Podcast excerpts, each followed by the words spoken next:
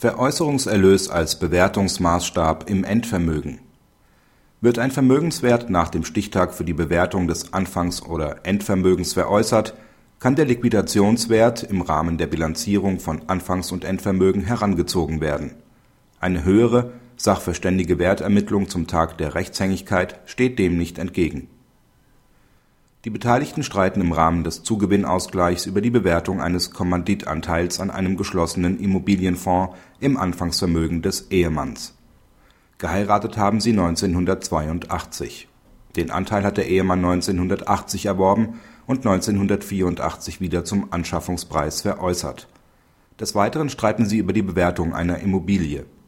Der BGH bestätigt die bisherige Meinung in der Literatur welche zur schwierigen Wertermittlung bei Abschreibungsgesellschaften empfiehlt, sich an das Liquidationswertverfahren anzulehnen und den zu erwartenden Verkaufserlös bei Beendigung der Beteiligung zu ermitteln und die bis dahin zu erwartenden Steuervorteile hinzuzurechnen und noch offene Zahlungspflichten wie die bei der Veräußerung entstehenden Steuern abzuziehen.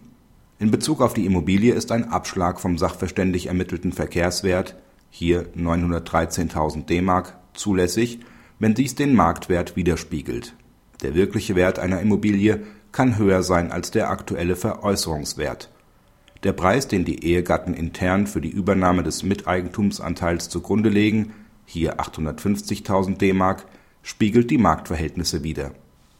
Praxishinweis Der BGH hat hier letztlich gebilligt, dass der tatsächlich erzielte Verkaufserlös als Verkehrswert herangezogen wird wenn der Anteil zeitnah zum Stichtag veräußert oder erworben wurde. Dies entspricht auch seiner aktuellen Rechtsprechung zur Bewertung von Nachlassgegenständen bei der Ermittlung von Pflichtteilsansprüchen. Dort wurde sogar eine Veräußerung drei Jahre nach dem Todesfall zur Bewertung herangezogen.